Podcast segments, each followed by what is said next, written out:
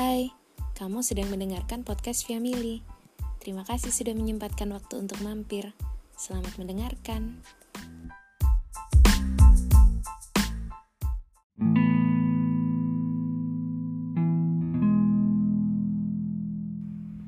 Saya pernah terluka, dan rasa sakitnya hampir nggak bisa ditoleransi.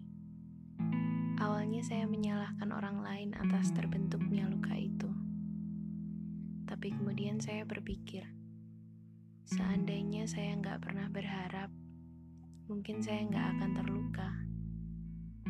Sayangnya, secuil kebahagiaan yang saya rasakan waktu itu membuat saya egois dan serakah saya mulai memupuk harapan, dan ia tumbuh dengan sangat baik, untuk kemudian patah karena tingginya melampaui batas. Saya jatuh tersungkur dan malu.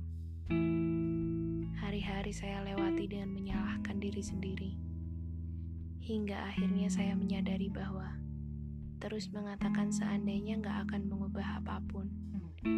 Dan sekarang bukan saatnya untuk terus menyalahkan diri sendiri tapi bagaimana saya akan melewati ini? Saya mencoba menyibukkan diri dengan menonton film, membaca buku, mengerjakan sesuatu yang penting, pergi keluar untuk sekedar berkeliling, dan banyak hal lain yang saya sukai. Tapi semua itu nggak berhasil mengobatinya.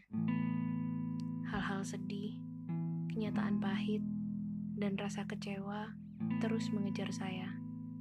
Apalagi ketika saya sendirian rasa sakit itu tiba-tiba kembali menghantui saya, bahkan lebih mengerikan dari sebelumnya. Ternyata, mencari kebahagiaan lain saat saya sedih itu bukan jalan keluar.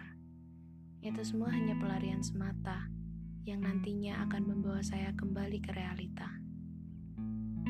Jadi, hal yang saya lakukan adalah menghadapi kesedihan itu dengan membiarkan rasa sakit menggerogoti hati saya sepuasnya sampai nggak ada lagi yang tersisa. I cried it out.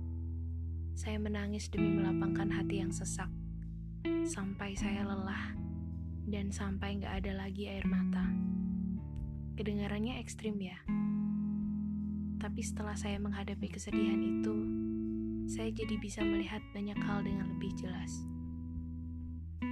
saya jadi tahu bahwa memaafkan orang lain ternyata jauh lebih mudah daripada memaafkan diri sendiri.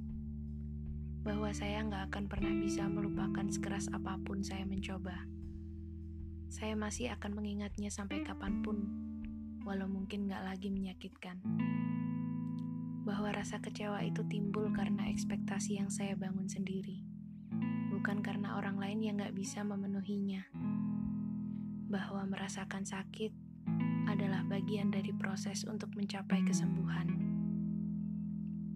Saya nggak lagi menyesali apa pun, karena saya percaya semua hal yang terjadi dalam hidup saya datang untuk memberikan pelajaran.